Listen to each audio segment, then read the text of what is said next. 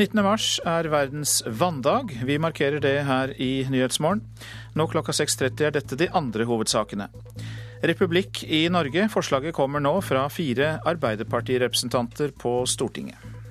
Så det har alltid vært eh, krefter hos oss som, eh, som, har vært kritiske til at vi har en styreform hvor man arver makt. Men det er nytt at det er Arbeiderpartirepresentanter som er med på å stille et grunnlovsforslag om en republikk. Marianne Martinsen fra Arbeiderpartiet. Staten vil ta ansvaret for kulturminnene fra lokalpolitikerne.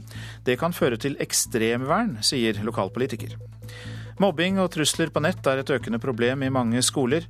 Og vi skal høre om radioamatører som er gode hjelpere når ulykken er ute. Her i studio, Øystein Heggen. Fire Ap-representanter står bak et forslag om å avskaffe kongedømmet og innføre republikk. Saken kommer opp i Stortinget i dag. Tidligere år har SV kommet med dette forslaget en rekke ganger, men noe er kanskje i ferd med å endre seg, mener forslagsstiller Marianne Martinsen fra Arbeiderpartiet. Jeg tror at hvis vi skulle ha valgt styreform i dag, så ville ikke monarki ha fått flertall. Eh, men vi er nok et stykke fra flertall for å avskaffe monarkiet.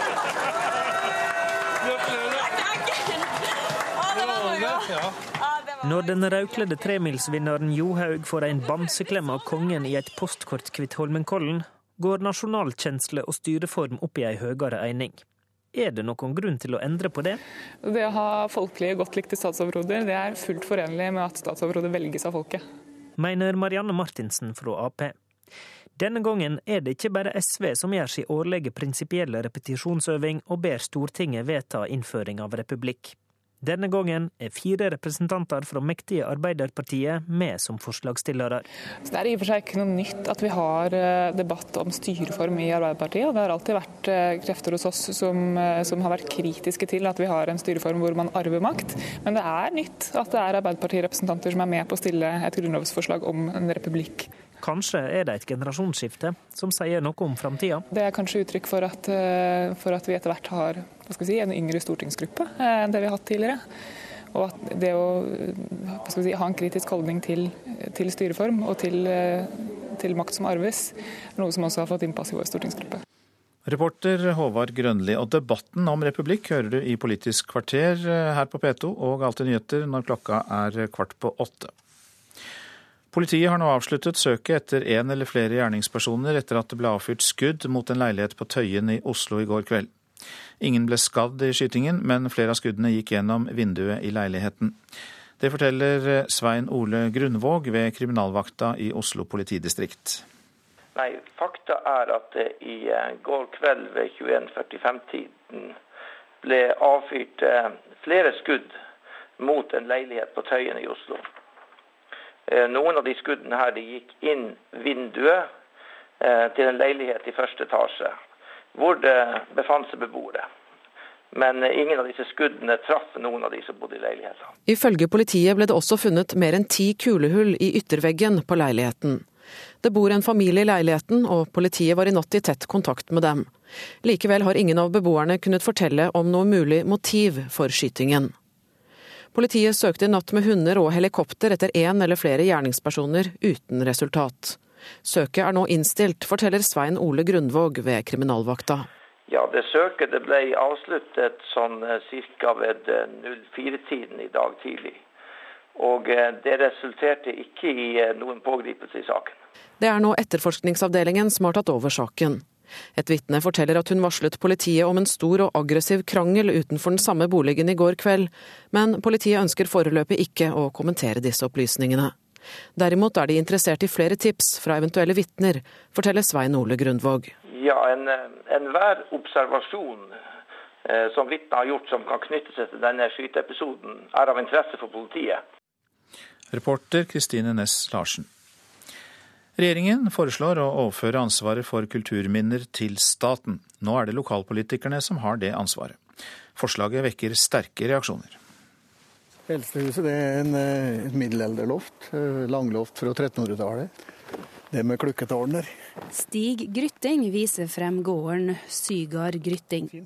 Han eier den 700 år gamle gården i Sør-Fron i Gudbrandsdalen, og er leder av Foreningen for eiere av freda hus i Nord-Gudbrandsdalen, og fylkesmedlem i Foreningen Fredet. Nå foreslår regjeringen å flytte ansvaret for kulturminnevern fra fylkespolitikerne til staten ved fylkesmennene. Dette synes ikke Grytting noe om eh, også veldig utrygge på den eh, utviklinga der. Eh, og slik vi kjenner Fylkesmannen, så står de for en eh, ekstrem vernestrategi. Altså en slags forbuds- og nei-kultur, i stedet for en utviklings- og mulighetskultur. Og å få fylkesmenn eh, inn og regjere på tunet av heimen vår virker skremmende. Eh, Kulturminner tror vi òg vil drukne i, blant nasjonalparker villrein og rovdyr. Vi har fått et brev fra mm, statsråd Bård Vegar Solhjell. Gryting får støtte fra fylkeskultursjefen i Hordaland, Anna Elisa Tryti. Det mest alvorlige er jo at eh, da blir kulturminneforvaltningen avpolitisert. Og eh, unndratt eh, regional politisk styring. Hun mener dette er noe lokalpolitikerne bør ta seg av.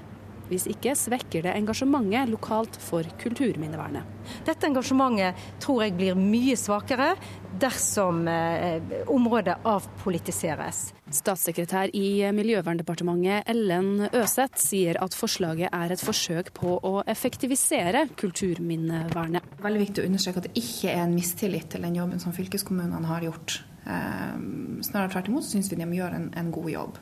Eh, det vi forsøker på, er å se om det finnes eh, muligheter for å effektivisere deler av arbeidet med dette med innsigelser.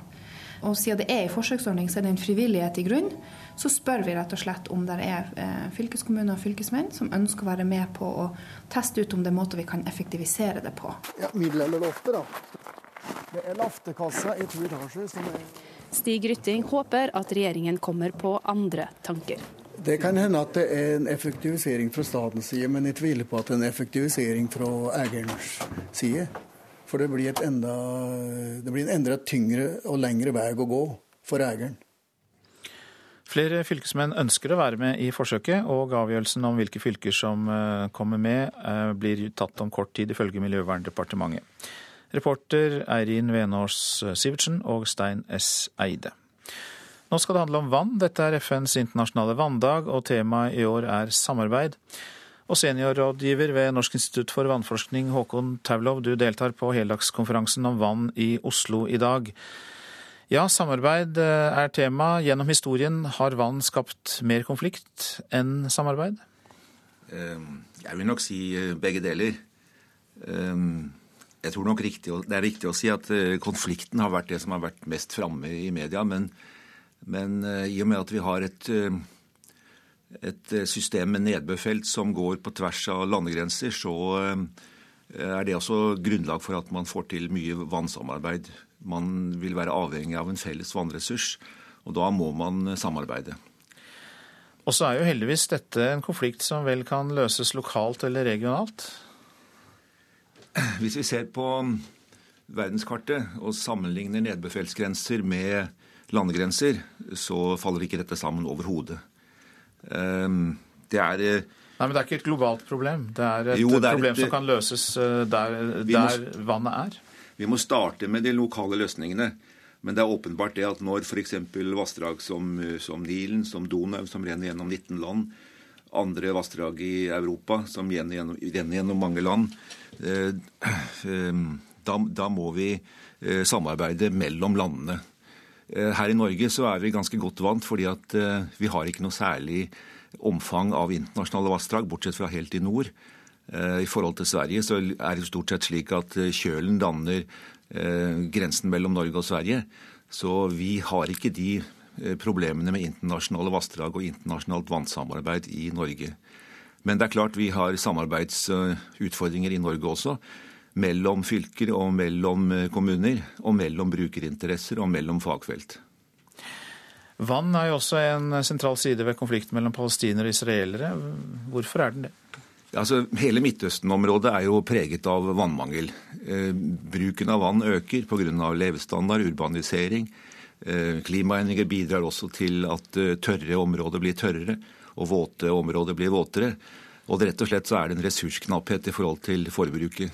Og eh, i eh, Midtøsten-området, Israel-Palestina, har jo da vann vært et av de sentrale elementene i, i eh, forhandlingene gjennom mange år.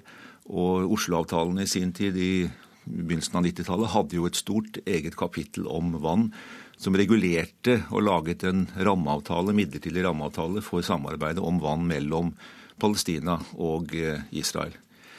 Eh, det har vært mye diskusjoner og problemer om det, og Norge har prøvd å bidra ganske kraftig med å bygge opp en palestinsk vannadministrasjon.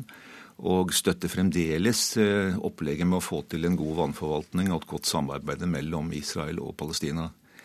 Det er jo slik da at eh, hele Israel er basert på denne såkalte nasjonale water carrier, som er da en hovedstreng som går fra Gineseradsjøen og gjennom hele Israel og tar mye vann vekk fra Jordanelva. Og eh, som resultat av det så kjenner jo alle til at eh, problemet med Dødehavets vannstand er ganske stort. Det synker og synker. Og det er både en eh, økologisk og naturmessig katastrofe og et problem rett og slett for alt virksomhet i Jordandalen og i området. Men for øvrig er det nok vann i verden, bare at det er ikke nok vann der det trengs mest alltid? Altså vann, Det er nok vann. Men det er feil. Eh, det er på feil sted til, til feil tid og eh, feil fordelt. Stort sett så er det jo slik at vannmengden totalt sett i systemet i den hydrologiske syklus, den er, til, til, den er stort sett uh, tilstrekkelig. Men det er rett og slett slik at der hvor behovet er størst, er det ofte for lite vann. Og i mange sammenhenger altfor mye, jf. alle flomkatastrofene vi er utsatt for framover bl.a. pga. klimaendringer. Hjertelig takk, Håkon Taulov. Du deltar altså på denne heldagskonferansen om vann som skal holdes i Oslo i dag, på FNs internasjonale vanndag. Takk skal du ha. Nå skal jeg si litt om det avisene skriver om i dag. Staten tjener fett på hett boligmarked, skriver Adresseavisen. De siste ti årene har staten innkassert 55,4 milliarder kroner på dokumentavgift som kreves ved kjøp av selveierboliger. Én av tre måtte opereres på nytt, skriver Fedrelandsvennen om operasjoner for tykktarmskreft ved sykehuset i Arendal. Stans disse operasjonene straks, sier Svein Mjåland, leder av kreftsenteret ved Sørlandet sykehus. Han anbefaler pasientene å la seg operere i Kristiansand i stedet. Kraftig folkevekst gir norsk helsesmell, skriver Vårt Land. Helsevesenet vårt er ikke forberedt på at Norge er på folkeveksttoppen i Europa. Og vi bygger allerede for små sykehus, sier Høyres helsepolitiske talsmann Bent Høie. Nye funn om folkesykdommer og ekstra leveår, skriver Dagbladet. Livsstilen gjør at mange dør før tida. Nå er Norge nede på 13.-plass i gjennomsnittlig levealder. Trenger folk som jobber utover 70 år, skriver Dagens Næringsliv. Arbeidsminister Anniken Huitfeldt vurderer aldersgrensene for pensjon. Høyrepolitiker og stortingskandidat Heidi Nordby Lunde støtter likestillingsminister Inga Marte Thorkildsen i Dagsavisen i dag. Lunde mener kvinner ikke kan kreve å få betalt for å være hjemme med barna, og at de som ønsker å leve som på 50-tallet, heller får be mannen om ukepenger. 214 tunneler uten nødnett kan vi lese om i Nasjonen. Tunnelene har for lite trafikk til å få nødnett. Vi har én mulighet til å få hjelp i distriktene, og en annen for folk nærmere byen, sier Tom Christer Nilsen, fylkesordfører i Hordaland. Lykkelige israelske Karni Eldad er avbildet på Aftenpostens forside. Men dokumentet som hun er så glad for, blir fordømt av verden. Det er en tillatelse til å bygge på den okkuperte Vestbredden, der 7000 nye israelske boliger er bygget siden 2009. Krigen som endret verden, lyder oppslaget i Klassekampen ti år etter at Irak-krigen begynte. De solgte verden en løgn, skriver avisa, om USAs daværende president George W. Bush og utenriksminister Colin Powell. Ikke ta ferie i juli, er advarselen i VG, som har gransket statistikken og anbefaler å ta juniferie i stedet dersom du skal feriere i Norge.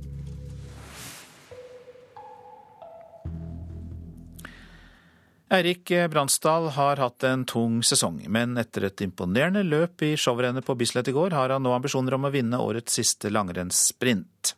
Den går i Stockholm i morgen.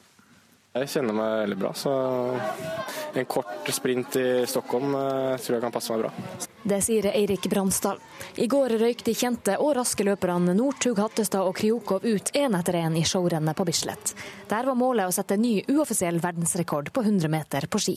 Petter Northug, vi vet hvor eksplosiv han er. Han er rett og slett sjanseløs altså, på denne type sprint. Ja, Det er litt andre kvaliteter som eh, man trenger her på de første meterne. Jeg vet at jeg ikke er bra på 100 meter, så det var parkering. Det sa Petter Northug etter at han ble sist og røyk ut i sin semifinale. Etter rennet stakk han rett av gårde uten å snakke om sine egne sjanser i verdenscupinnspurten i Sverige.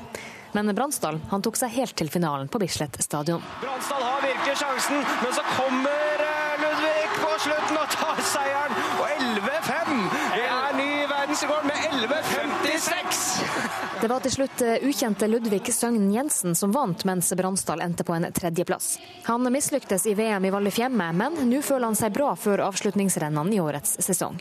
Jeg har jo litt lyst til å gå et uh, godt renn sånn på slutten, for å få med litt motivasjon inn til, uh, til ny sesong. Så um, det, Nå ligger jeg jo ikke noe bra an i sprintcupen, så jeg er jo ikke med der og kjemper. Men det er også gøy å få en god inngang til den toren også, da. Så viser jeg litt fram. Jeg skal gi bånn gass på onsdag, så får vi se hva det holder til. Og ambisjonene, der er klar. Jeg går alltid for seieren. Jeg gjør det. Reporter var eh, Kari Stokke Nilsen.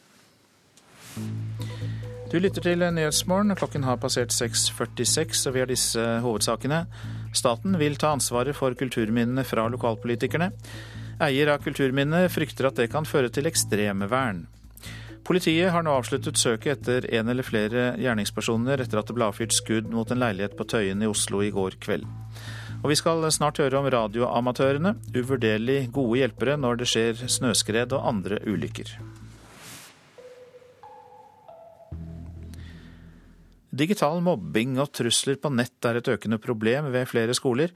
Noen saker blir politianmeldt, og da må ungdommene møte i konfliktrådet. Denne uka går Skien kommune i Telemark ut med informasjon til elever og foreldre. Mange foreldre vil nok reagere på hva ungdommer skriver om andre på nettet. F.eks. horer. Altså, du er stygg og Folk kaller hverandre feite og personlige ting, da. Jævla bitch eller noe, du er død, liksom. De er mellom 14 og 16 år og elever ved Kongerød ungdomsskole i Skien. Jeg heter Ida. Jeg heter Magdalene. Jeg heter Kristoffer og de er selvfølgelig aktive på ulike sosiale medier. Facebook, Instagram, Twitter, Kik, Snapchat. God går Facebook. Eh, det samme. Norstat har gjennomført en undersøkelse om digital mobbing på vegne av Telenor. Den viser at fire av ti barn og unge fra Sørlandet og Telemark oppgir at de har fått meldinger som oppleves som mobbing eller erting på mobiltelefon eller internett. Dette er høyest i landet. Landsnittet ligger på 28% Det er veldig mye mer du tør å si på nettet ja, enn når du sier i virkeligheten. For det, på nettet sitter du bak skjermen din og er trygg på rommet ditt liksom, og kan bare slenge så mye dritt du bare vil. liksom. Men eh, komme opp til noen og si det i virkeligheten, da løper man og gjemmer seg. liksom. Hva er det som skjer på skolen da, hvis noen har vært ute og sagt eller skrevet noe på nettet? Det kan bli, i hvert fall hvis det er gutter, da, så er det veldig tendens til å begynne å slåss. Altså det å møtes liksom en gjeng mot en annen gjeng og så slåss forskjellige steder og sånn. Husker du ikke det der på Ulrik den gangen? Som det begynte med en liten krangel, at det var en gutt som eh, kalte en jente hore, og så begynte folk å blande seg, og så begynte å true med pistoler og ja da. Alt starta egentlig på Facebook. Kongerud ungdomsskole har hatt flere saker med digital mobbing. Nylig ble en sak politianmeldt og havnet i konfliktrådet. Miljøterapeut ved skolen, Heidi Holte, sier selv om trusler og mobbing skjer på fritida, så preger det skolehverdagen til mange elever. Det begynner ofte med en eh, veldig liten ting, en liten konflikt egentlig, og så får de med seg noen flere på hver sin side. Og så begynner de å true hverandre og sånn. Om at de skal havne på sjukehus og de skal knekke armer og bein og spytte på hverandre på skolen. Og, altså, det meste av det her skjer jo egentlig på fritida. Eh, men de drar det så veldig med seg inn i skolehverdagen eh, med trusler, og stygge blikk er det masse av. Og da blir det dårlig med konsentrasjon i undervisninga òg, for å si det sånn. De kaller hverandre altså, jævla hore, og du skal havne på sjukehus, og bare vent til folka mine kommer og tar deg. Og det er ganske grove trusler, og vi har ungdommer som er ganske redde her til tider. Vet foreldrene for lite? Det tror jeg. Eh, vi er akkurat inne i en sånn generasjon nå hvor foreldrene vet altfor lite om nettet. Hvor nøye følger foreldrene deres med på hva dere gjør på nettet? Ja, øh, Moren min tvingte meg til å ha det på Facebook, da, fordi hun ville se hva, liksom, alt jeg la ut. og sånn. Det mamma og pappa de måtte være venn med meg på Face for at jeg skulle ha det. på en måte. Men det som er, er at det, det er dumt å si det, men man kan skjule ting man gjør. Hvis man skriver en status, så kan man ta egendefinert, og så kan man velge hvem som skal se det og ikke skal se det. Så det er jo, for oss er det bare å skjule for mamma og pappa, liksom, så kan du skrive hva du vil. SLT-koordinator i Skien kommune, Frøydis Straume, har kontakt med skolene, og hun sier det har vært en økning i antall saker med mobbing og trusler på nett. Det er en kombinasjon tror jeg, av at veldig veldig mange, nesten alle barn og unge bruker og er kobla til noen form for sosiale medier, og mange er kobla til mange. Og informasjon om at vi voksne kan kontaktes og bør få beskjed når det er noe ugreit på nettet, har nok også nådd ut til barn og unge, sånn at de sier i større grad ifra når de opplever noe som er vondt og dumt på nettet. Nå vil dere ha kontakt med foreldre og elever. Hva gjør dere? Skolene jobber jo aktivt med det her hver eneste dag. I tillegg så eh, jobber vi sammen med politiet med å få på plass en type jeg har lyst til å si kokebok, oppskriftsbok om skikk og bruk på nettet. Hva er lov, hva er ikke lov, hvordan skal vi oppføre oss der. Bruk huet det er adressen til de som ønsker å lese mer om råd mot digital mobbing, altså nettsiden som heter brukhue.com. Reporter Ken Willy Wilhelmsen. Radioamatører er helt uvurderlige når det skjer snøskred og ulykker. De setter opp radiosamband for politiet og andre nødenheter når det er dårlig mobil- og nettdekning. Slik høres radioutstyret ut hos gjengen med det pussige navnet Norsk Radio Relais-liga. De blir ofte kalt radioamatører, men spiller en viktig rolle når det skjer snøskred og andre ulykker. De setter nemlig opp radiolinjer som gjør at politi og redningsetater kan få fram beskjedene sine. Politiårbetjent Tor Einar Eilertsen ja. forteller hvor viktig radioligaen er i områder hvor det er ustabil mobil- og internettdekning. De eh, hjelper oss med samband når vi er på plasser hvor vi ikke har sambandsdekning på våre samband. Og dit kommer vi fort når vi er utafor allfarvei. Ellers så har vi stor nytte av dem i eh, søksfasen. Da setter de såkalt trekking på søksmannskaper, og vi kan eh, se på kartet hvor vi har søkt og hvor vi ikke har søkt. Ofte så kan det jo stå om tid, når vi vet at vi har søkt gjennom et område, så kan vi konsentrere oss og utvide søket, og i beste fall finne en savna person. Leder for Radioligaen, Odd Halvard Bjørnstad, forteller at selv områder med god dekning kan bli raskt tappa når det er ulykker. Det kan være mobildekning i området, men når det blir en veldig opphopning av biler i begge endene her, og folk begynner å skal ringe hjem og si eh, at vi står i kø og det er bra med oss osv., så, videre, så blir det tidvis eh, dårlig kapasitet. Fordi at det kan stå 100 biler totalt sett som prøver å ringe. Kapasiteten kan droppe ut veldig, og da blir det ustabilt og tidvis ikke dekning på mobil i området. Troms politidistrikt sender automatisk ut varsel til redningsetatene og Radioligaen når det går skred. Dem har det vært mange av i det siste. Blir det varsling på skredtelefonen, og da røkker vi ut. Så det, det har vært en del ganger nå i den senere tid, i og med at vi har de forholdene vi har nå i fjellet. Reporter Rune Eian. Flinkere for de flerkulturelle, ja det er utfordringen for bibliotekene i Distrikts-Norge. I Oppland har fylkesbiblioteket satt i gang tre nye prosjekter som skal gjøre bibliotekene bedre i stand til å håndtere flerkulturelle brukere. Har du et bok på mitt språk? Det er uh, burmesisk. Nei, det har ikke vi i samlingen vår. Mulai Etinchi fra Burma finner ikke bøker på morsmålet sitt på biblioteket på Gjøvik. Det er jo for uh, søstera mi, da, fordi hun skal prøve å lære seg norsk. Men uh, det er ikke på språket mitt, så det blir litt vanskelig. Mulai er en av mange innvandrere som bruker bibliotekene ofte. Ja, nesten hver dag. Jeg liker å være på bibliotek, gjøre lekser og sånn. De siste åra er det blitt stadig flere flerkulturelle også i Distrikts-Norge.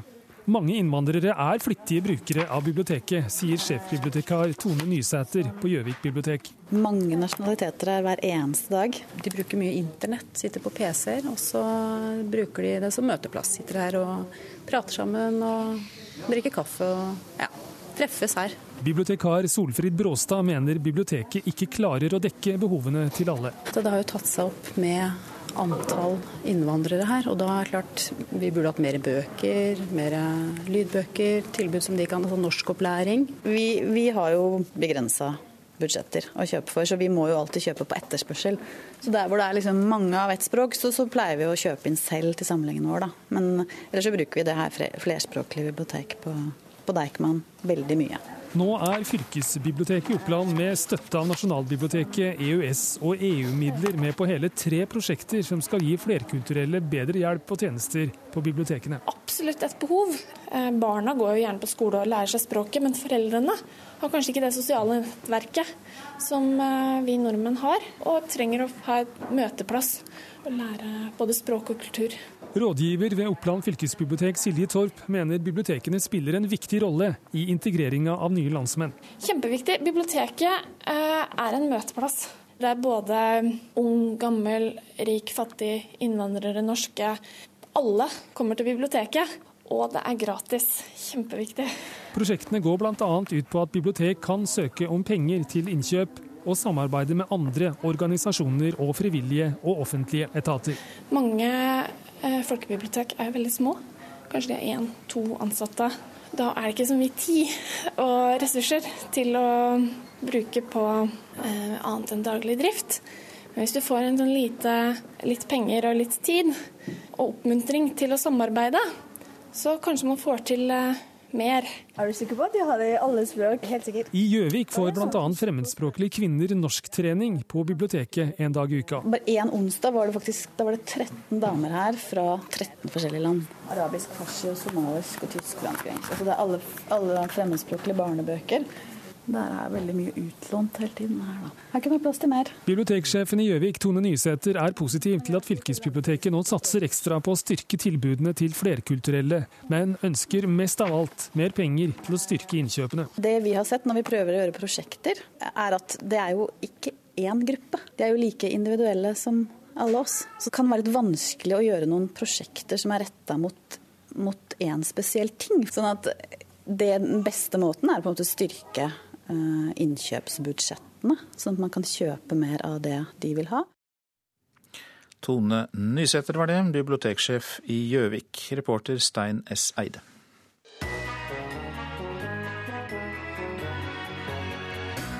Helt siden FrPs Christian Tybring-Gjedde spurte kulturminister Hadia Tajik hvordan hun definerer norsk kultur, så har debatten rusla og gått.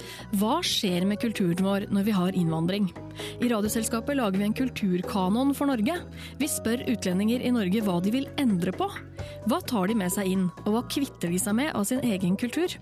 Hør på P2 i dag klokka 11. Et værvarsel må vi ha, det tar vi nå. Langfjella. Stiv kuling utsatte steder, skyet stort sett opphold. Fjell i Sør-Norge unntatt Langfjella. Sørøst liten kuling utsatte steder, opphold og noe sol. I ettermiddag tilskyende. Så var det Østlandet. På kysten liten kuling, litt snø av og til. Telemark og Aust-Agder. På kysten stiv kuling og litt snø av og til. Vest-Agder sterk kuling på kysten. Fra i ettermiddag liten kuling vest for Lindesnes og det blir utrygt for litt snø av og til i Vest-Agder. Så var det Rogaland og Hordaland. Østlig stiv kuling utsatte steder. Fra i ettermiddag liten kuling. Stort sett pent vær, i kveld tilskyende. Sogn og Fjordane østlig stiv kuling utsatte steder. Fra i ettermiddag liten kuling. Stort sett pent vær. Møre og Romsdal kort og godt eh, pent vær, stort sett. Trøndelag sørøst stiv kuling utsatte steder og stort sett pent. Helgeland, Saltfjellet, Salten og eh, Ofoten. Sørøst stiv kuling utsatte steder. Kortvarig sterk kuling på Helgeland kan det bli. Stort sett pent vær. Lofoten og Vesterålen sørøst liten kuling, stort sett pent. Troms og kyst- og fjordstrøkene i Vest-Finnmark. Sørøst stiv kuling utsatte steder, delvis skyet oppholdsvær. Øst-Finnmark og Finnmarksvidda delvis skyet oppholdsvær. Nordensjøland på Spitsbergen. Østlig liten kuling utsatte steder og stort sett pent vær. Temperaturer målt klokka fire. Svalbard lufthavn minus 14, Kirkenes minus 13, Varde minus 7, Alta minus 11. Tromsø-Langnes minus 3, Bodø minus 3 også. Brønnøysund minus 4, Trondheim-Værnes minus 7. Molde minus 6, Bergen-Flesland minus 4, Stavanger minus 3, Kristiansand-Kjevik minus 5.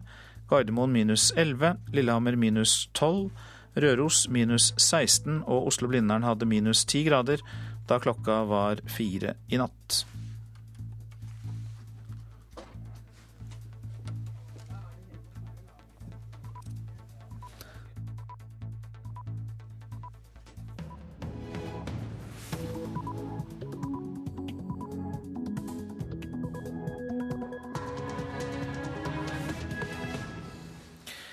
Du lytter til Nyhetsmorgen på P2 og Alltid nyheter. Her i studio Øystein Heggen, og vi har en nyhetsoppdatering aller først.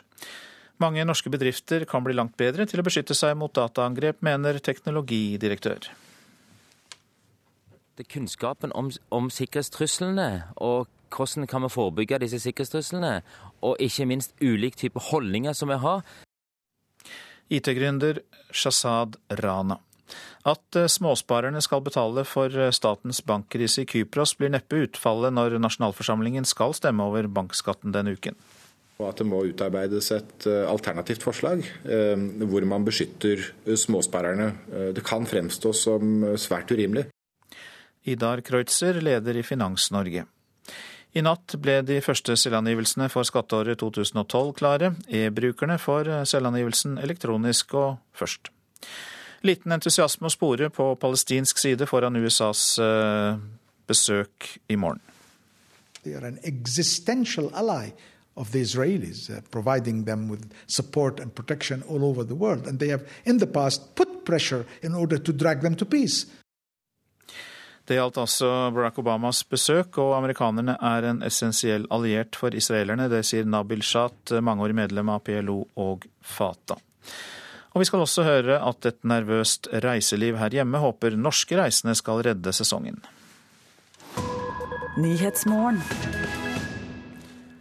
Mange norske bedrifter kan bli langt bedre til å beskytte seg mot dataangrep. Det mener teknologidirektør i Microsoft Norge og selv IT-gründer Shazad Rana. Myndighetene er svært bekymret for slike angrep mot Norge, som har økt i omfang de siste årene. Rana tror mange bedrifter kan bli mer bevisste på dette. På mange måter så har vi stort forbedringspotensial både i forhold til kunnskapen om, om sikkerhetstruslene og hvordan kan vi forebygge disse sikkerhetstruslene, og ikke minst ulike typer holdninger som vi har. Se på oss selv som helt ordinære brukere.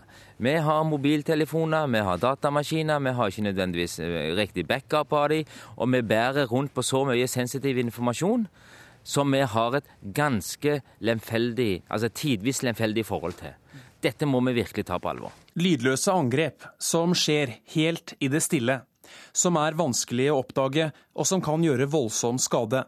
Slike dataangrep er myndighetene nå svært bekymret for, og vi er for dårlig beskyttet mot dem, sier Anette Schaberg, som er assisterende direktør i Nasjonal sikkerhetsmyndighet. Det vi ser er at eh, sikkerhetstilstanden i Norge ikke er eh, tilfredsstillende.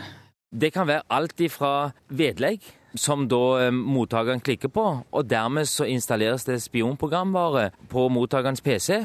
Sier Shazad Rana, som er teknologidirektør i Microsoft Norge og forklarer hvordan utenlandske etterretningstjenester og kriminelle kan få tak i verdifull informasjon. Det er jo nærmest som å putte sugerør inn i en oljebrønn. Du vet ikke hva du får ut, men du får ut en stor mengde informasjon som ikke skal være på avveie. Dette her kan jo ha vært noe de selger til konkurrentene. Det kan være masse sensitiv kunnskap der. Det kan være masse bedriftsintern informasjon som da andre har interesse og er villige til å betale for. Sjaberg sier mange offentlige etater ikke forstår hvor utsatte de er for dette. Og Da betyr det at da vet man ikke helt hva man skal sikre, og man vet ikke helt hvilken risiko man tar hvis man ikke sikrer det godt nok. Både Forsvaret, Telenor og våpenprodusenten Nammo har blitt forsøkt angrepet på denne måten.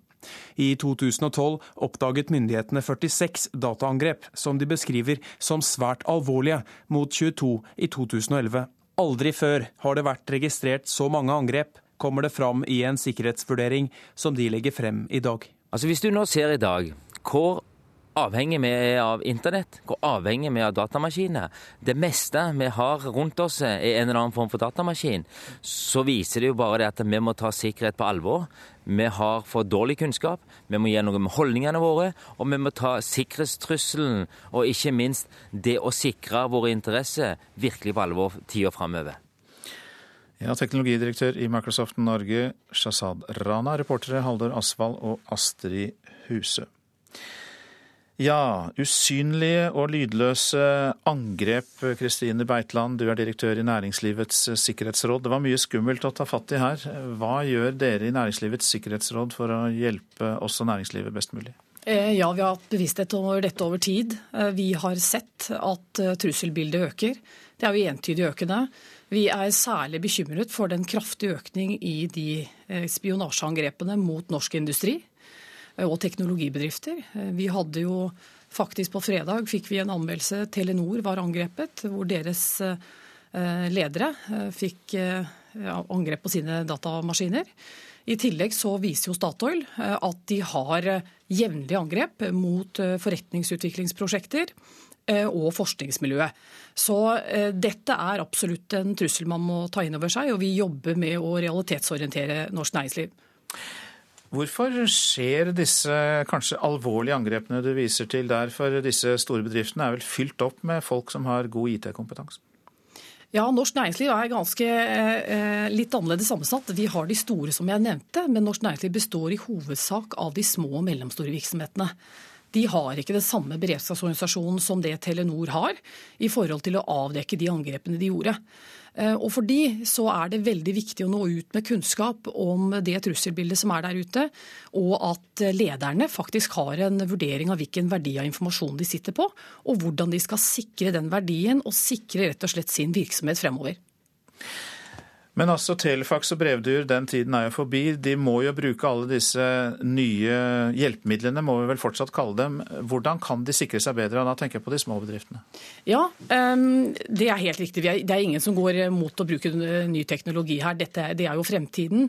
Eh, hvis man tar dette som er eh, bruken av privateid utstyr eh, knyttet til jobbsammenheng, som gjør at man utsettes i mange forskjellige sammenhenger, man bruker i mange forskjellige sammenhenger forskjellige nett, som gjør man mer sårbar. Og da, For å nå ut eh, både til de ansatte og ledere, så er det å sørge for at man har Dette er som en bærer en smarttelefon, er en PC. Du må ha koding, eh, fjernsletting, eh, og slik at du sikrer telefonen din. Og kryptering om nødvendig. Så ansatte som bruker andre nettverk, men likevel er innom jobbens område, de, de, kan være løse kanoner på dekk, og det kan komme spioner inn via den veien lettere enn mot bedriften selv? Ja, veldig mange mottar jo e-post, jobb-e-post på sin smarttelefon. Og det er jo ofte tilstrekkelig at å åpne en e-postvedlegg som er infisert, så får du infisert maskinen din. Vi har heldigvis ikke sett i like stor grad angrep på smarttelefonene ennå. Men jeg tror at vi, vi, vil jo i større grad bruke disse også. Eh, og da vil vi også se en, eh, en økende angrep mot eh, disse. Men gjøre enkle grep her for å sikre seg. Men det kanskje det aller viktigste handler om holdninger.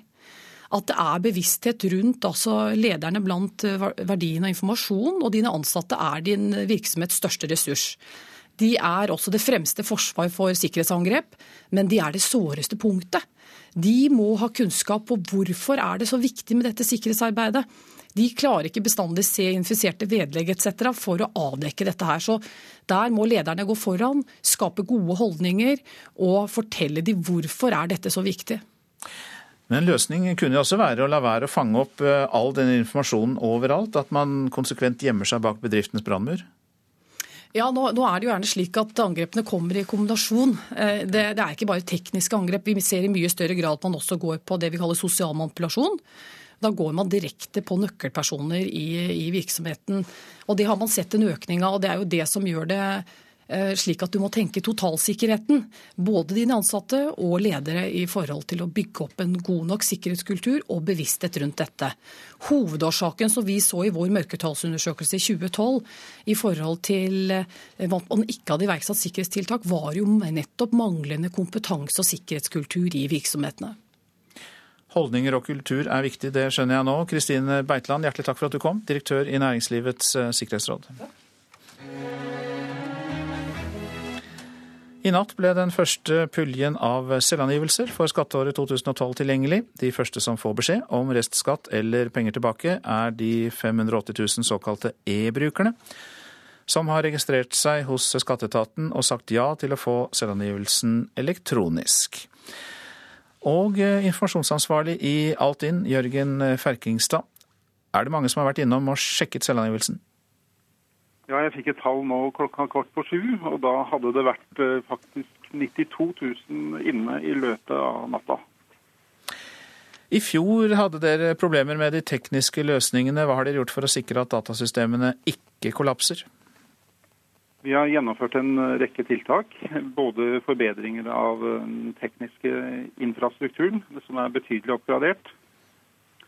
En sentral komponent i løsningen eh, som har blitt eh, identifisert som hovedproblemet de siste par årene, den er også blitt skiftet ut. Så, så, vi føler oss eh, godt forberedt på dagen i dag. Innledningsvis så nevnte jeg jo at det vel er en 580 000 såkalte e-brukere. og Er det da sånn at det faktisk er 90 000 av dem som har vært innom i natt for å sjekke selvangivelsen? Det er det. Det er, på meg så virker det som et høyt tall, at de allerede har vært på datamaskinen og sjekket det umiddelbart etter at de har fått beskjed om at det ligger inne. Ja, det, det, er ganske mange. Det var mellom midnatt og klokka ett så var det 30 000 innom. Og mellom klokka seks og klokka 6.45 så var det 25 000 innom. I fjor så var det også en selvangivelse som ble offentliggjort, i hvert fall deler av den, slik at andre kunne lese opplysningene i den. Hvor trygge er dere på at eh, folk finner rette veien inn, og ikke en sidegate inn til en annen persons opplysninger? Du, først Først må jeg si at det var ikke det som skjedde i fjor. Det var ingen som så selvangivelsen til denne Oslo-mannen. Eh, det, var ingen skatteopplysninger på, på avveie. De fikk se eh, fødselsnummeret og navnet til han og kona hans. Eh, eh men det var alvorlig nok, det. Men det, det skyldtes egentlig ikke manglende fokus på sikkerhet i Altinn, men feil i en kommersiell standardkomponent i løsningen. Og det, det, er en, det, er en, komponent som, brukt, som brukes i titusenvis av løsninger over hele verden. Så den ble rettet opp i en verdensomspennende oppdatering for et år siden. Og vi har gjort masse andre tiltak også. Så, så Altinn er uh, en svært sikker løsning med veldig strenge sikkerhetsrutiner. Og kan også si at et av Norges fremste selskaper på datasikkerhet gjør jevnlige tester av sikkerheten i Altinn. Så folk skal føle seg rimelig trygge. Altså. Vi håper på det. Takk skal du ha, informasjonsansvarlig i Altinn, Jørgen Ferkingstad. At eh, småsparerne skal betale for statens bankkrise i Kypros, blir neppe utfallet når nasjonalforsamlingen skal stemme over bankskatten denne uken. Det sier Idar Kreutzer, som er leder i Finans-Norge. Men det er foreslått en engangsskatt på alle bankinnskudd på Kypros for å redde bankene. De er stengt fram til torsdag, så ingen får tatt ut sparepengene sine, og kypriotene er sinte.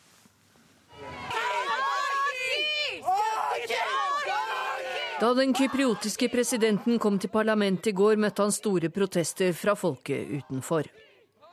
Parlamentet har utsatt beslutningen til i dag, men har foreslått å skattlegge innskytere i bankene på Kypros. Min forventning vil nok være at det ikke blir godtatt. Eh, og at det må utarbeides et eh, alternativt forslag eh, hvor man beskytter småsparerne. Det kan fremstå som svært urimelig. Leder for Finans Norge, Idar Kreutzer, sier det er spesielt at ikke politikerne på Kypros beskytter småsparerne. Og, og, det bekymrer mange. Og, og, det som også er spesielt med den løsningen som nå ligger på bordet på Kypros, det er at man ikke beskytter småsparerne gjennom eh, banksikringsordningen, som jo skal gjelde generelt for eh, EU-landene. Innskuddsgarantien folk flest hadde, er forsøkt satt ut av kraft, nettopp for å redde bankene. Men mange frykter at det kan skje i flere land. Det som er sikkert, er at noen må betale. At myndighetene på Kypros øker egne inntekter, er en forutsetning for å utløse en hjelpepakke fra EU-landene og Det internasjonale pengefondet. Ca. en tredjedel av pengene eh, ser man fortsatt skal komme fra bankene og innskyterne, men to tredjedeler skal komme fra IMF eh, og fra EU-landene. Og så sier EU-landene og IMF at for at vi skal komme disse pengene, så krever vi motytelser. Og det er at dere også bidrar. Måten man kommer rundt dette på, er å si at dette er et premiss for vår støtte. Og hvis dere aksepterer det, så får dere støtte. Men da aksepterer man også å se bort ifra den innskuddsordningen. Ble du redd for sparepengene dine nå? Det samme kan ikke skje i Norge, sier Idar Kreutzer, sjef i Finans Norge. Det ene er at uh, vi har en, uh, en, bankinnskuddsgaranti i Norge som er den høyeste i Europa. Uh, to millioner kroner av innskuddet er sikret gjennom en banksikringsordning. Og bak den ordningen så ligger det et stort fond, Banksikringsfondet, som er det største i sitt slag i Europa.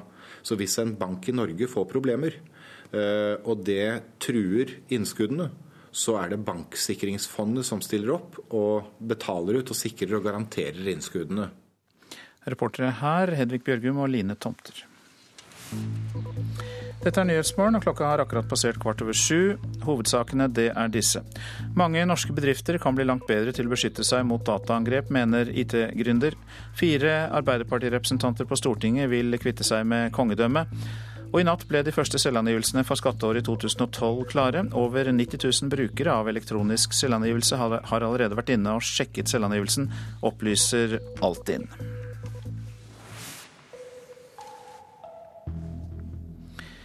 I morgen kommer Barack Obama på sitt første besøk som USAs president til Israel og Palestina. Men det er ikke mye entusiasme å spore på palestinsk side foran besøket. Han har sagt til oss at vi ikke skal ha noen forventninger, sier den palestinske lederskikkelsen Nabil Shat til NRK. Prisene på agurker og squash ropes ut på grønnsaksmarkedet her i Ramallah. En israelsk shekel for kiloen. Palestinerne har kanskje fått en stat på papir i FN, men har ingen egen valuta og langt fra kontroll over egne grenser eller territorium, hvor Israel fortsetter sine bosettinger. Dette er virkeligheten som møter USAs president Barack Obama når han kommer hit til området. Først og fremst til Israel, men han skal også tilbringe en halv dag her i Palestina.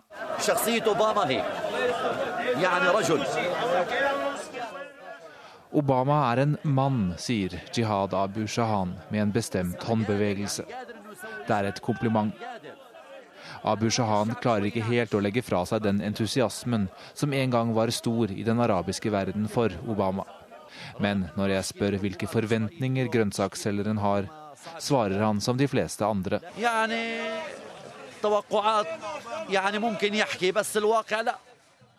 Han kommer for å prate, men ingenting vil forandres på bakken.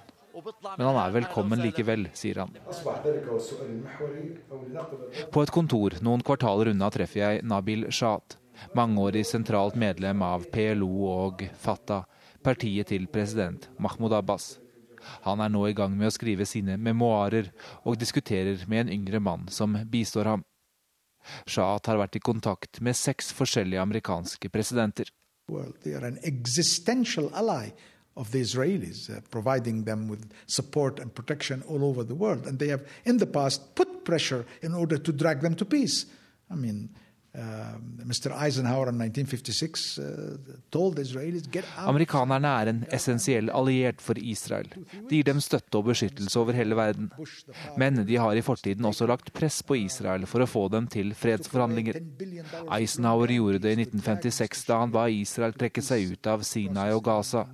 Bush senior truet med å stanse lånegarantiene for å dra Israel og statsminister Itzhak Shamir til forhandlingsbordet i Madrid, sier Shad.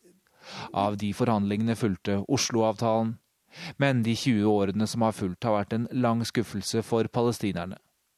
Og også president Barack Obama, som så mange palestinere trodde på da han ble valgt første gang for fire år siden, kommer tomhendt, ifølge Shahd. At the same time, we have very little expectations. And that's precisely what he wants. I mean, he just sent messages to us directly and indirectly. Don't raise your expectations. I'm coming to see and listen. Vi har veldig lave forventninger. Og det er akkurat som han vil ha det. Han har sendt beskjeder til oss, direkte og indirekte. Ikke skru opp forventningene. Jeg kommer for å se og lytte, men jeg kommer ikke med et prosjekt. Midtøsten-korrespondent Sigurd Falkenberg Mikkelsen hadde laget eh, denne reportasjen. Og I dag samles giverlandsgruppen for Palestina i Brussel for å diskutere løsninger på den finansielle krisen i landet. Og Det skal vi snakke med deg om, utenriksminister Espen Barth Eide. Du skal lede møtet. Men først et par ord om Obamas besøk. Har du noen tro på at eh, Barack Obamas besøk kan kunne endre Israels samarbeidsvilje? Ja, God morgen først. Eh, jeg var i USA i forrige uke og snakket med min kollega John Kerry om den reisen som eh, Obama og Kerry skal legge ut på. Og De var jo tydelige på at de ikke kom med en ny, ferdig plan, men at det var et signal om at USA ønsker å engasjere seg Eh, tyngre i dette. Og jeg opplevde at det var betydelig enighet mellom Kerry og meg om at uh, nå må vi få en ny dynamikk inn i denne prosessen. Ellers så er uh, mye av det arbeidet vi driver med på giversiden uh, relativt meningsløst. For det gir jo faktisk bare mening dersom man har en politisk horisont og en utsikter til en tostatsløsning. Ja, for giverlandsgruppen, som altså skal gi palestinerne hjelp, og som du leder i dag, virker jo av og til som nesten det eneste virkemidlet verdenssamfunnet har for tiden. Ellers er det jo stillstand i fredsprosessen. Ja, Dette er jo egentlig det eneste forum hvor partene møtes eh, regelmessig, altså både Israel og Palestina. Her eh, Jeg skal lede møtet i dag sammen med EUs utenrikssjef Cathy Gjersten. og Her er jo da USA og europeere og Japan og Saudi-Arabia og en rekke andre givere eh, i møte med partene. Eh, og eh, Den gode nyheten er jo at eh, det fortsatt er riktig å si at de palestinske selvstyreinstitusjonene er på et nivå som gjør at de ville kunne vært i stand til å styre sin egen stat. Det var status i 2011. Da feiret vi det. Det var i fjor, og det er fortsatt riktig. Men den dårlige nyheten er at dette fort kan bryte sammen igjen dersom det nå ikke kommer en ny optimisme inn i selve den politiske prosessen. For Eh, giverlandsgruppen, alt det som har fulgt eh, Oslo-avtalen for nå 20 år siden, gir jo bare mening innenfor en sammenheng der folk tror på at det blir to stater. Og Hvis folk nå er i ferd med å miste troen på det, både på palestinsk side og Israel eventuelt har mistet interessen for det, så må vi virkelig tenke hva vi da gjør. Ja, Hva gjør du da? Fordi eh, Hvis uh, giverlandsgruppen uh, kun skal sitte der og telle penger til palestinerne, så bidrar jo ikke det til en tostatsløsning i seg selv? Nei, det er helt riktig. Det bidrar ikke i seg selv. Nå har vi noen konkrete spørsmål som jeg kommer til å legge stor vekt på å få forståelse for i løpet av dagen. Det ene er at Israel må overføre Eh, de skatter og avgifter som de innkrever på palestinernes vegne automatisk. Altså, det må ikke bli en politisk gest, men det må bli automatikk, for det er rett og slett palestinernes penger. Eh, det andre er at palestinerne selv må eh, fortsette arbeidet for reform og modernisering av sine økonomiske og politiske strukturer. Og for det tredje at giverne fortsatt må tro på prosjektet, slik at vi kommer for en ny giv i dette. Eh, så vi har en, eh, Det er ikke minst et spørsmål om eh, arbeidet inn mot det såkalte C-området, altså den delen av det okkuperte palestinske området hvor, hvor, mye av den økonomiske aktiviteten skjer, og hvor det er sterke begrensninger på økonomisk vekst takket være den israelske okkupasjonen. Men så kommer vi også inn på det store politiske spørsmålet. 20 år er gått. Vi må rett og slett sette oss ned og snakke oss igjennom om denne strategien faktisk virker. Eh, og om eh, vi er på rett spor. Eh, og Det er også en diskusjon jeg kommer til å invitere til, og som jeg regner med blir enda varmere frem mot neste møte, som vi regner med blir på politisk nivå fra alle land da, i, i september i New York. Takk skal du ha, utenriksminister Espen Barth Eide, for at du var med i Nyhetsmorgen fra Brussel, der det altså er møte i giverlandsgruppen for Palestina. Så skal jeg si litt om avisene og det de skriver. Staten tjener fett på hett boligmarked, skriver Adresseavisen. De siste ti år har staten innkassert 55,4 milliarder kroner på dokumentavgift som kreves ved kjøp av selveierbolig. Én av tre måtte opereres på nytt, skriver Fedrelandsvennen om operasjoner for tykktarmskreft ved sykehuset i Arendal. Stans disse operasjonene straks, sier Svein Mjåland, leder av kreftsenteret ved Sørlandet sykehus. Han anbefaler pasientene å la seg operere i Kristiansand i stedet. Kraftig folkevekst gir norsk helsesmell, skriver Vårt Land. Helsevesenet vårt er ikke forberedt på at Norge er på folkeveksttoppen i Europa, og vi bygger allerede for små sykehus, sier Høyres helsepolitiske talsmann Bent Høie. Nye funn om folkesykdommer og ekstra leveår, skriver Dagbladet. Livsstilen gjør at mange dør før tida. Nå er Norge nede på 13.-plass i gjennomsnittlig levealder. Trenger folk som jobber utover 70 år, skriver Dagens Næringsliv. Arbeidsminister Anniken Huitfeldt vurderer aldersgrensene for pensjonen. Høyre-politiker Heidi Nordby Lunde støtter likestillingsminister Inga Marte Thorkildsen i Dagsavisen. Lunde mener kvinner ikke kan kreve å få betalt for å være hjemme med barna, og at de som ønsker å leve som på 50-tallet, heller får be mannen om ukepenger. 214 tunneler uten nødnett kan vi lese om i Nasjonen. Tunnelene har for lite trafikk til å få nødnett. Vi har én mulighet til å få hjelp i distriktene, og en annen for folk nærmere byene. Det sier Tom Christer Nilsen, fylkesordfører i Hordaland. Lykkelige israelske Karni Eldad er avbildet på Aftenpostens forside. Men dokumentet som hun er så glad i, blir fordømt av verden. For det er en tillatelse til å bygge på den okkuperte Vestbredden, der 7000 nye israelske boliger er bygget siden 2009. Krigen som endret verden, lyder oppslaget i Klassekampen ti år etter at Irak-krigen begynte. De solgte verden en løgn, skriver avisa om USAs daværende president George W. Bush og utenriksminister Colin Powell.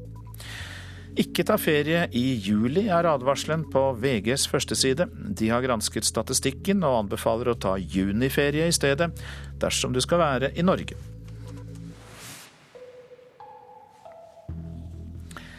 Og det er jo veldig aktuelt for det vi skal snakke om nå, for reiselivet er veldig spent på hvordan sommersesongen blir.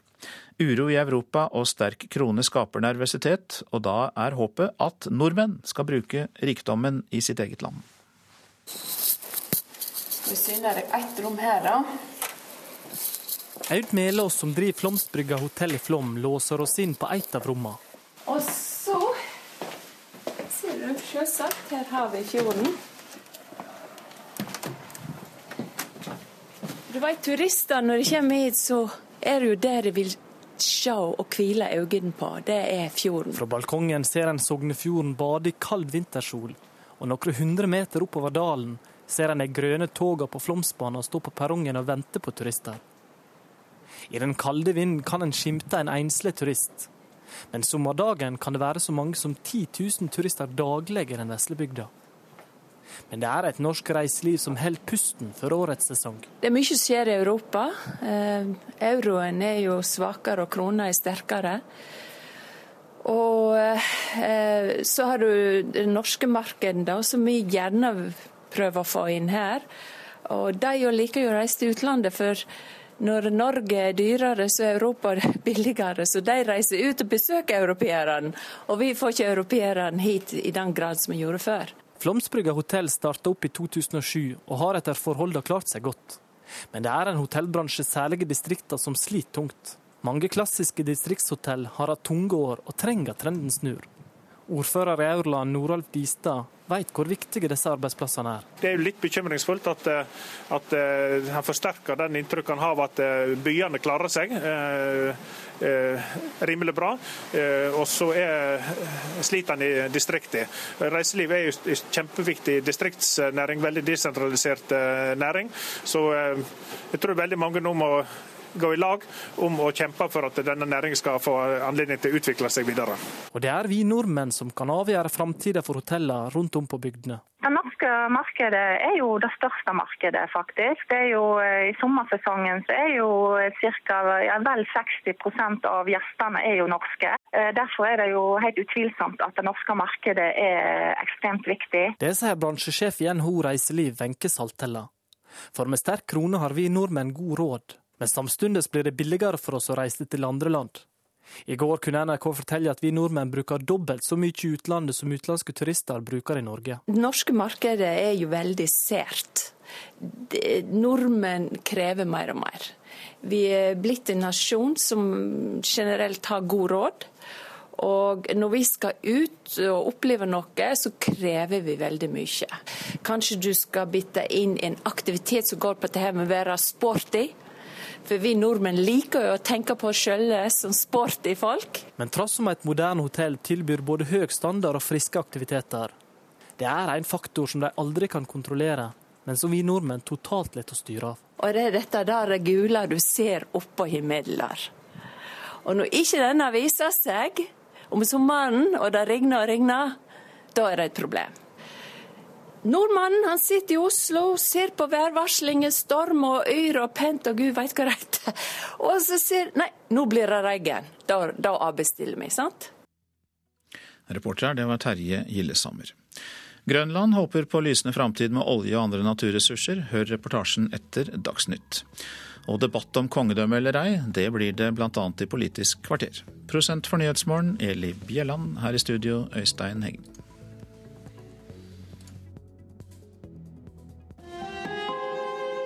Hør ekko. Nå er det ikke lenger seierherrene som skriver historien.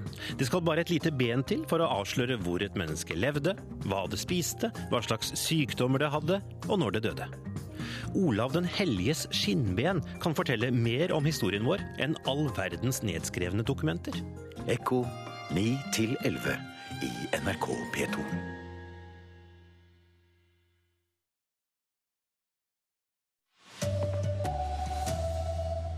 Bedrifter er ikke godt nok sikret mot dataspionasje. En dobling av alvorlige hendelser på to år, viser rapport. Politiet har ikke pågrepet noen etter at det i går kveld ble skutt mot en leilighet i Oslo. Avskaff monarkiet, foreslår fire Arbeiderpartirepresentanter på Stortinget. Det er kanskje uttrykk for at, eh, for at vi etter hvert har si, en yngre stortingsgruppe. Her er NRK Dagsnytt eh, klokken 7.30. Norske bedrifter og myndigheter er for dårlig sikret mot dataangrep. Det mener Nasjonal sikkerhetsmyndighet, som frykter at industri og statshemmeligheter kan komme på avveie. Samtidig har det aldri før blitt oppdaget så mange forsøk på alvorlig dataspionasje som nå. Lydløse angrep som skjer helt i det stille, som er vanskelig å oppdage og som kan gjøre voldsom skade. Slike dataangrep er myndighetene nå svært bekymret for og vi er for dårlig beskyttet mot dem, sier Anette Schaberg, som er assisterende direktør i Nasjonal sikkerhetsmyndighet. Det vi ser er at eh, sikkerhetstilstanden i Norge ikke er eh, tilfredsstillende. Det kan være alt ifra vedlegg, som da eh, mottakeren klikker på, og dermed så installeres det spionprogramvare på mottakerens PC. Sier Shazad Rana, som er teknologidirektør i Microsoft Norge og forklarer hvordan utenlandske etterretningstjenester og kriminelle kan få tak i verdifull informasjon. Det er jo nærmest som å putte sugerør inn i en oljebrønn. Du vet ikke hva du får ut, men du får ut en stor mengde informasjon som ikke skal være på avveie. Dette her kan jo ha vært noe de selger til konkurrentene. Det kan være masse sensitiv kunnskap der. Det kan være masse bedriftsintern informasjon som da andre har interesse og er villige til å betale for. Sjaberg sier mange offentlige etater ikke forstår hvor utsatte de er for dette. Og Da betyr det at da vet man ikke helt hva man skal sikre, og man vet ikke helt hvilken risiko man tar hvis man ikke sikrer det godt nok. Både Forsvaret, Telenor og våpenprodusenten Nammo har blitt forsøkt angrepet på denne måten. I 2012 oppdaget myndighetene 46 dataangrep, som de beskriver som svært alvorlige, mot 22 i 2011. Aldri før har det vært registrert så mange angrep, kommer det fram i en sikkerhetsvurdering som de legger frem i dag. Reportere Haldor Asvald og Astrid Huse. Alle bedrifter må få sine ansatte til å bli mer opptatt av datasikkerhet, sier direktør i Næringslivets sikkerhetsråd, Kristine Beitland. Ja, nå, nå, er det jo gjerne slik at angrepene kommer i kombinasjon. Eh, det, det, er ikke bare tekniske angrep. Vi ser i mye større grad at man også går på det vi kaller sosial manipulasjon. Da går man direkte på nøkkelpersoner i, i virksomheten. Og Det har man sett en økning av, og det er jo det som gjør det slik at du må tenke totalsikkerheten. Både dine ansatte og ledere i forhold til å bygge opp en god nok sikkerhetskultur og bevissthet rundt dette. Hovedårsaken som vi så i vår mørketallsundersøkelse i 2012 i forhold til eh, at man ikke hadde iverksatt sikkerhetstiltak, var jo nettopp manglende kompetanse og sikkerhetskultur i virksomhetene. Politiet har fortsatt ikke pågrepet noen etter at det ble skutt mot en leilighet på Tøyen i Oslo i går kveld. Ingen ble skadet, men flere av skuddene gikk gjennom vinduet i leiligheten, der det var folk til stede. Tore Pettersen bor i nærheten og hørte skuddene. Nei, altså Jeg opplevde jo at det var en del eh, skudd som ble avfyrt eh, utenfor. Eh, det var ganske raske skudd, kunne minne om et automatvåpen, men det er vanskelig å, å si. Og det var òg ganske relativt lav lyd eh, på de skuddene. Ifølge politiet ble det funnet mer enn ti kulehull i ytterveggen på leiligheten, i tillegg til skuddene som gikk gjennom vinduet. Det bor en familie i leiligheten, og politiet var i natt i tett kontakt med dem. Likevel har ingen av beboerne kunnet fortelle om noe mulig motiv for skytingen. Det forteller Svein Ole Grundvåg ved kriminalvakta i Oslo politidistrikt. Eh, nei, beboerne har ingen eh, konkret forklaring som som kan gå på dette med at noen skulle ha motiv for å gjøre dette. Politiet søkte i natt med hunder og helikopter etter én eller flere gjerningspersoner uten resultat. Søket er nå innstilt, forteller Grundvåg. Ja, det Søket det ble avsluttet sånn ca. ved 04-tiden i dag tidlig. Og Det resulterte ikke i noen pågripelse i saken. Det er nå etterforskningsavdelingen som har tatt over saken. Et vitne forteller at hun varslet politiet om en stor og aggressiv krangel utenfor den samme boligen i går kveld, men politiet ønsker foreløpig ikke å kommentere disse opplysningene. Selv om ingen kom til skade, synes nabo Anita Dalen at hendelsen var vemmelig. Det var litt ekkelt. Reporter Kristine Næss Larsen. Det som nå rammer småsparerne på Kypros, kunne ikke skjedd i Norge, sier Idar Kreutzer, leder i Finans Norge. På Kypros skal nasjonalforsamlingen i dag stemme over den omstridte bankskatten som er foreslått for å redde bankene. Kreutzer tviler på at skatteforslaget blir vedtatt. Min forventning vil nok være at det ikke blir godtatt. Eh, og at det må utarbeides et eh, alternativt forslag eh, hvor man beskytter småsparerne. Leder for Finans Norge, Idar Kreutzer, sier det er spesielt at ikke politikerne på Kypros beskytter småsparerne. Og, og, det bekymrer mange. Og, og, det som også er spesielt med den løsningen som nå ligger på bordet på Kypros, det er at man ikke beskytter småsparerne gjennom eh, banksikringsordningen, som jo skal gjelde generelt for eh, EU-landene. Innskuddsgarantien folk flest hadde, er forsøkt satt ut av kraft, nettopp for å redde bankene. Men mange frykter at det kan skje i flere land. Det som er sikkert, er at noen må betale. At myndighetene på Kypros øker egne inntekter, er en forutsetning for å utløse en hjelpepakke fra EU-landene og Det internasjonale pengefondet. Ca. en tredjedel av pengene eh, ser man fortsatt skal komme fra bankene og innskyterne, men to tredjedeler skal komme fra IMF eh, og fra EU-landene. Og Så sier EU-landene og IMF at for at vi skal komme disse pengene, så krever vi motytelser. Og det er at dere også bidrar. Ble du redd for sparepengene dine nå? Så hvis en bank i Norge får problemer, eh, og det truer innskuddene, så er det Banksikringsfondet som stiller opp og betaler ut og sikrer og garanterer innskuddene. Reportere her var Hedvig Bjørgum og Line Tomter. Kjølesystemet ved det ødelagte atomkraftverket Fukushima i Japan er rammet av strømbrudd. Problemene rammer systemene som kjøler ned tre bassenger med brukt atombrensel. Feilen er ikke funnet, men det er ingen umiddelbar fare, ifølge energiselskapet Tepco, som driver anlegget. Fukushima-kraftverket ble rammet av den voldsomme tsunamien i Japan i mars for to år siden. Fire Arbeiderpartirepresentanter står bak et forslag om å avskaffe kongedømmet og innføre republikk. Saken kommer opp i Stortinget i dag. SV har kommet med dette forslaget flere ganger, men noe er kanskje i ferd med å endre seg, mener forslagsstiller Marianne Martinsen fra Arbeiderpartiet. Jeg tror at hvis vi skulle ha valgt styreform i dag, så ville ikke monarki ha fått flertall. Eh, men vi er nok et stykke fra flertall for å avskaffe monarkiet.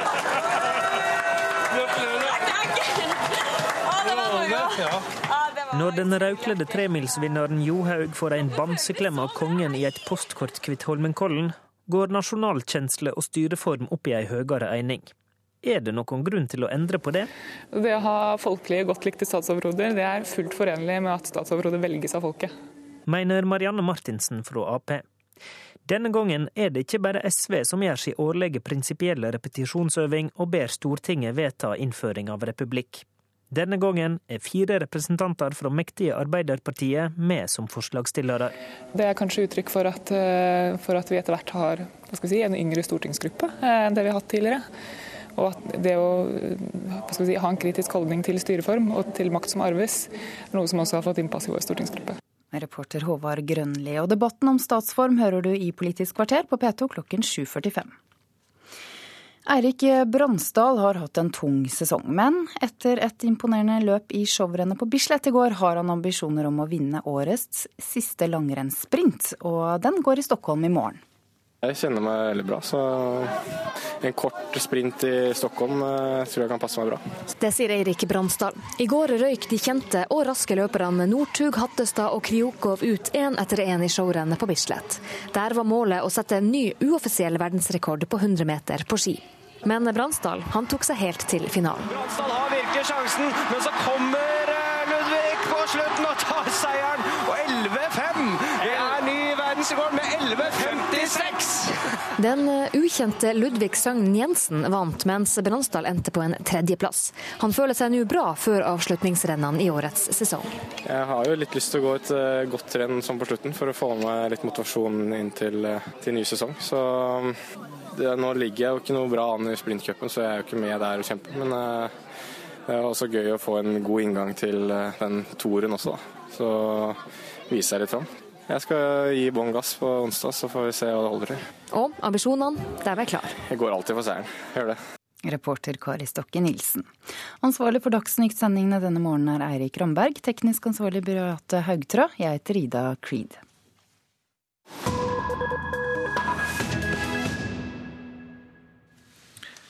På Grønland håper myndighetene at forekomster av olje og andre naturressurser skal gi landet en lysende økonomisk framtid. Norge holdes fram som eksempel, men forandringene kan bli svært store for folket på øya, rapporterer Øyvind Nyborg.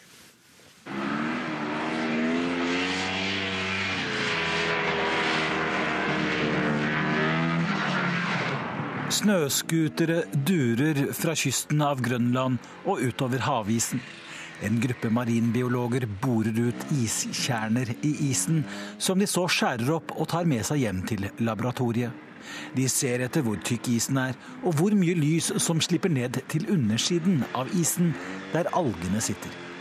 I spissen for dette sitter professor Lars Kresten Lund Hansen, professor ved Universitetet i Århus. I 2012 var det den aller minste utbredelse av havis i hele Arktis område. Det har aldri vært så lite havis i Arktis som i 2012. Det er masse is om vinteren, men den blir mindre og mindre om sommeren. Og det har sannsynligvis med klimaendringer og endrede havstrømmer å gjøre, sier Lund Hansen. Det betyr at det blir færre isbjørner, fordi de lever av det den finner under isflakene. Men issmeltingen får også en storpolitisk betydning. Det blir mindre og mindre is, og på den måten blir isen mer og mer viktig, fordi så kan man komme til å seile Nordøstpassasjen og Nordvestpassasjen fra Europa til, øh, til, til Kina f.eks., til Asien. Kineserne har utvist en veldig stor interesse for hele det arktiske området, sier professor Lund Hansen. For issmeltingen gjør at Kina ser for seg en helt ny transportrute mellom Asia og Europa. På et kontor i Grønlands hovedstad Nuuk viser direktør Kai Kleist i gruveselskapet London Mining fram en stor tegning. Selve jernminen ligger helt opp i, ved innlandsisen. Det er 105 km opp til, til eh, bredden av innlandsisen. Med penger fra en kinesisk statsbank og opptil 3000 kinesiske arbeidsfolk skal de bygge en jernmalmgruve utenfor Nuuk. Kineserne vil bygge en ny, stor havn og skipe den strategisk viktige jernmalmen hjem og ut på verdensmarkedet. Kinesernes interesse for Grønland og Arktis kan også få betydning for Norge. Vår virksomhet er jo her, i Baffin Bay. Ehm, så hvis vi gjør eh, store funn der, så er det jo håp om at det kan eh, gi muligheter for ei, eh, utbygging. Talsmann Bård Glad Pedersen i Statoil viser på en storskjerm hvor Norge driver leteboring i samarbeid med to andre oljeselskap utenfor kysten av Grønland. Ja, det er jo med en målsetting om å kunne gjøre eh, store olje- og gassfunn. Letearbeidet utenfor Grønland er i en eh, tidlig fase, så det er fortsatt stor eh, usikkerhet knytta til om man vil eh, lykkes. Men man regner med at ca. 20-25% av de gjenværende ressursene innenfor olje og gass og Finn er i arktiske områder, og utenfor Grønland er et av de områdene som eh, har et potensial. Det er de to blokker hvor vi har forundersøkelsestillatelser. I regjeringsblokka i Nuuk på Grønland viser råstoffminister Ove Carl Bertelsen fram en plansje over leteboringsfeltene på vestkysten og nordøstkysten av øya. Håpet er at Grønland skal få oppleve et oljeeventyr. Jeg eh, håper at, den, eh, at, oljen eh, vil være et stor inntektskilde for, for Grønland for fremtiden. Jeg drømmer om et oljeeventyr slik at det kan gi oss økonomisk uavhengighet. Det vet jo nordmennene alt om, sier Bertelsen. Dette er eh, Nyhetsmorgen, og vi har disse hovedsakene. Mange norske bedrifter kan bli langt bedre til å beskytte seg mot dataangrep, mener IT-gründer. SV er ikke lenger alene om å foreslå republikk. Nå fremmer også Arbeiderpartirepresentanter forslag om å fjerne kongedømmet. Og selvangivelsen er klar, men i første omgang bare elektronisk for e-kunder. Ja, kongen er tema i Stortinget i dag, programleder i Politisk kvarter, Bjørn Bø. Ja, som du var inne på, nå sier også noen i Arbeiderpartiet høyt at vi har ei anakronistisk eller gammelmodig statsform. Spørsmålet om hvem som er mest pompøs i Stortinget, blir også reist. Og så, finansministeren skal i dag møte ei finansnæring som øker rentene.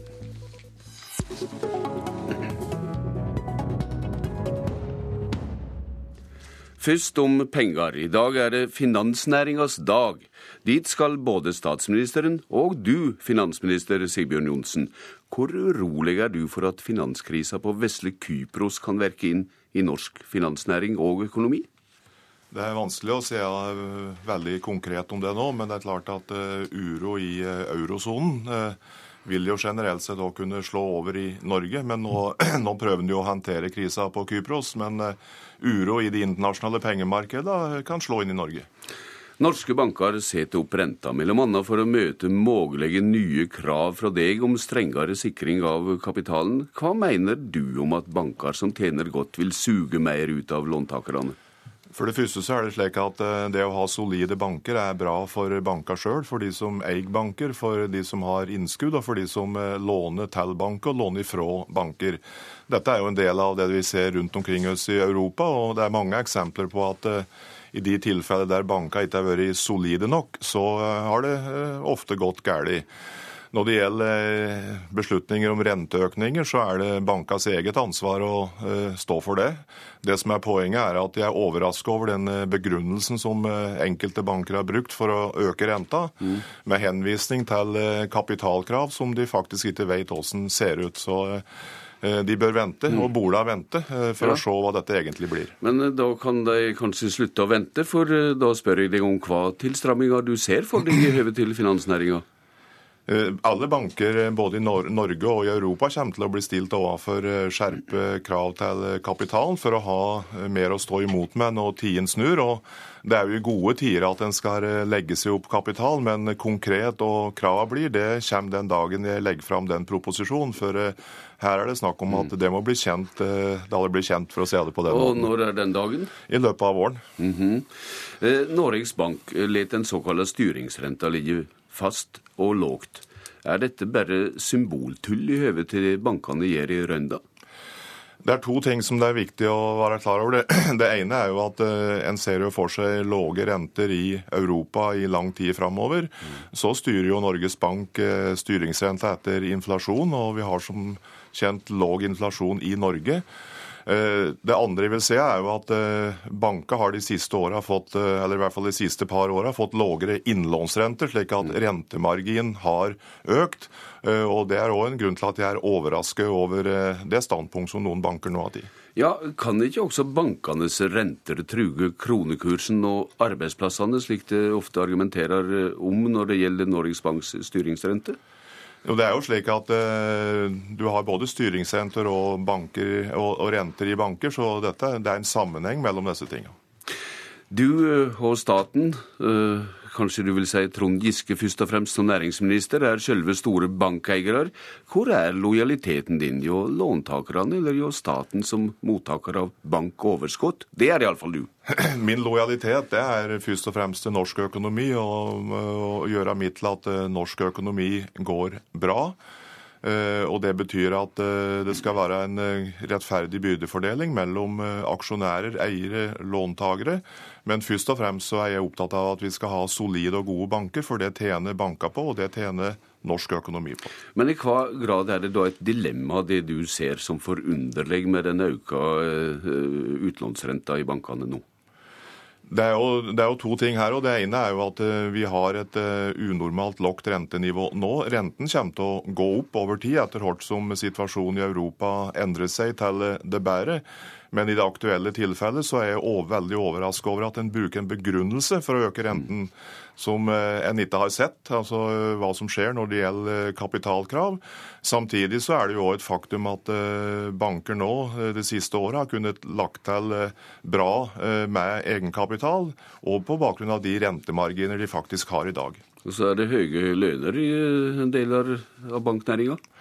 Ja, Det er viktig at en òg eh, viser moderasjon i banknæringen når det gjelder lønninger. For eh, vi ser òg at lønningene generelt sett i Norge er en utfordring for norsk konkurranseevne. Så her er det òg viktig at eh, alle bidrar på sin måte. Fins det andre måter enn den strukturen som er nå, etter ditt syn, til å organisere norsk finansnæring til beste for folk flest? Nå har vi, Noe av det fine i norsk finansnæring er jo at vi har en veldig god blanding av store, eh, mellomstore og mindre banker, og ikke minst det at vi har mange små lokale sparebanker rundt omkring i Norge, er en viktig styrke ved det norske bankvesenet. Banker som kinner lokalsamfunnene, banker som gir eh, lån til næringsutvikling i distriktene. Det er bra, så vi har en eh, fin finansnæring i Norge slik sett. Men trengs det en ny overordna jeg holdt på å si, eh, forretningsbank på statens hand? Nei, vi eh, har ingen planer om det. For eh, vi, har, vi har jo stort eierskap i den største forretningsbanken i Norge. Og jeg mener at vi i dag har en god blanding av små og store og, mellomstore banker. Vi er vant med at finansministeren kommer med formaninger om pengebruk både i offentlig virksomhet og i finansnæringa. Hva er dine formaninger til finansnæringa i dag, når du møter dere utpå formiddagen? Nei, Mitt viktigste budskap er at uh, historia har fortalt oss at det å ha solide og gode banker er uh, bra for banka. Uh, det er bra for økonomien, det er bra for deg og meg som har både innskudd og lån i norske banker. God tur til deg, til de andre pengefolka, Sigbjørn Johnsen. Takk skal du ha.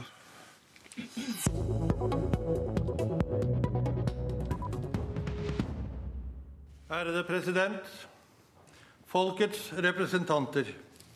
Jeg hilser Stortinget velkommen til ansvarsfull gjerning, og ønsker at den må bli til gagn for fedrelandet. Slik lyder det når statsoverhodet, kongen, åpner Stortinget.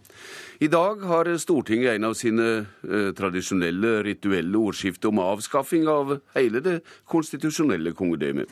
Dette har lenge vært ei SV-sak, men nå er også flere Arbeiderpartirepresentanter med på framlegg om utgreiing av ny statsform. En av dem er du, Jette Christensen. Hvorfor vil du ha de gode kongeorda vi hørte ut av Stortinget?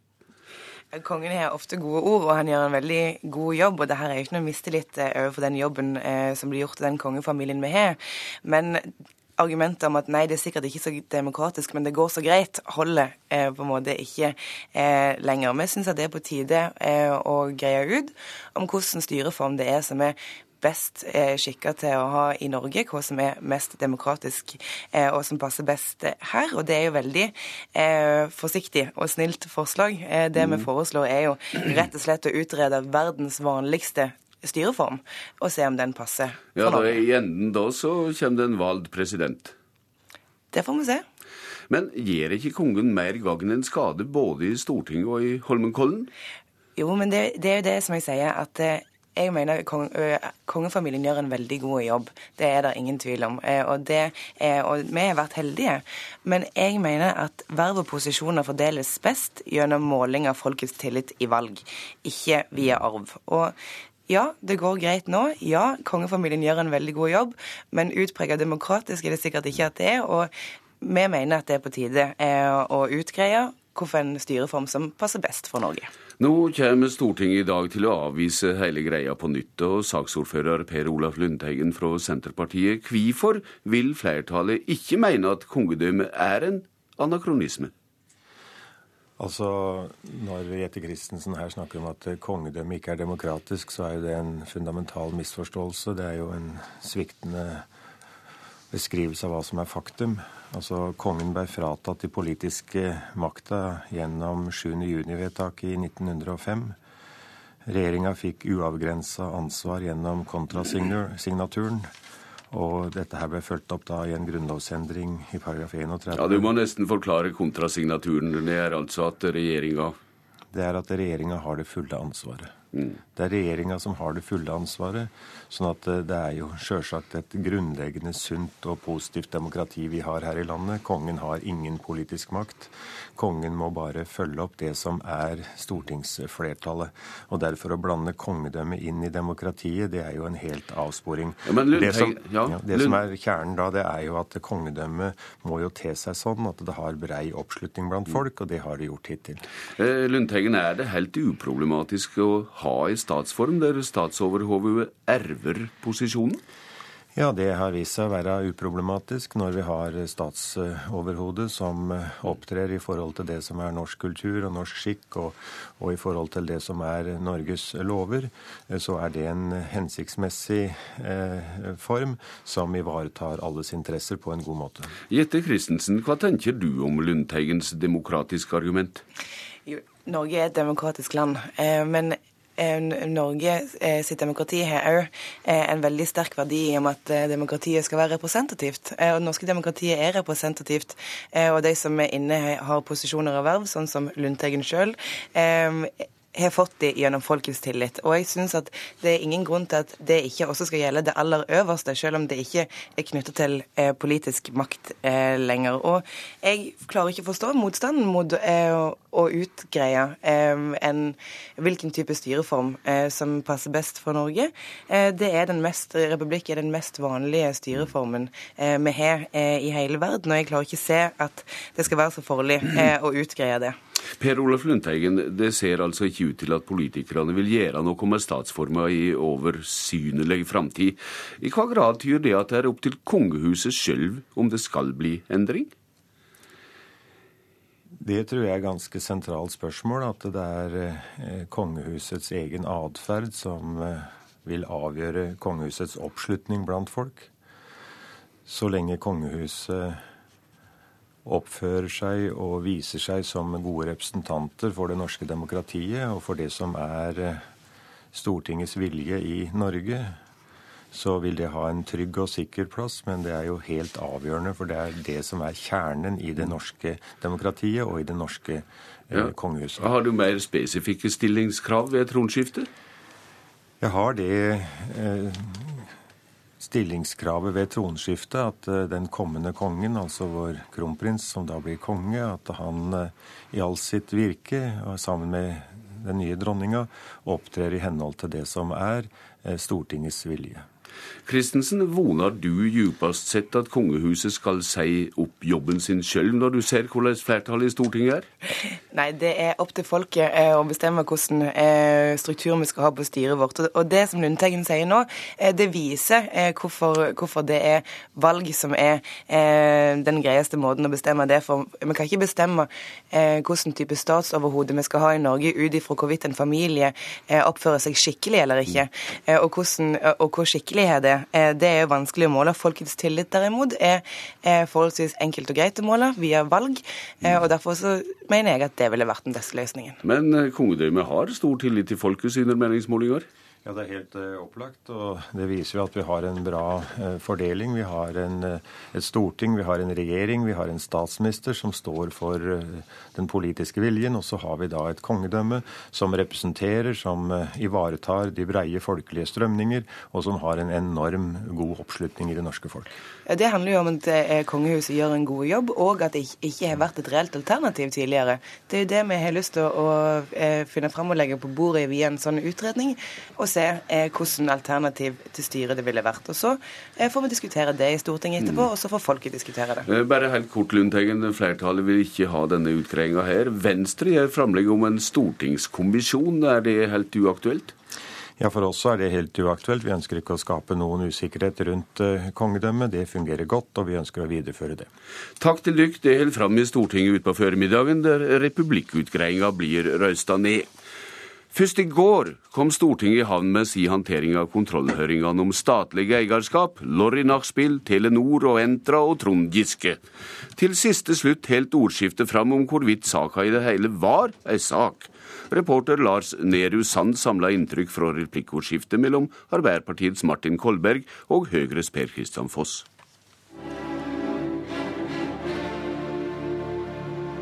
Dette er politisk teater vi er vitne til. president. Og Det er derfor jeg har et aktivt kroppsspråk i denne saken. President Martin Kolberg har en egen pompøs måte å fremstille ting på. Men eh, karakteristikken pompøs når det gjelder representanten Foss han, Jeg vil ikke si han er pompøs, men han er ganske intrikant som regel. Kritikk mot regjeringen er faktisk ikke så uvanlig. Men i Martin Kolbergs ord så høres det for å ramme Arbeiderpartiet igjen for et eget opphøyd parti. Det med pompøsitet, representanten Foss, det tror jeg vi skal dele på. Og jeg tror kanskje man gjør litt klokt å legge til side en viss pompøsitet når man representerer regjeringen. Det er tider og dager for pompøsitet, både 1. og 17. mai, men akkurat én kritikk mot Stortingets kontrolloppgave hører, ikke, hører ikke hjemme. Teatermusikk til slutt i Politisk kvarter. Jeg heter Bjørn Bø.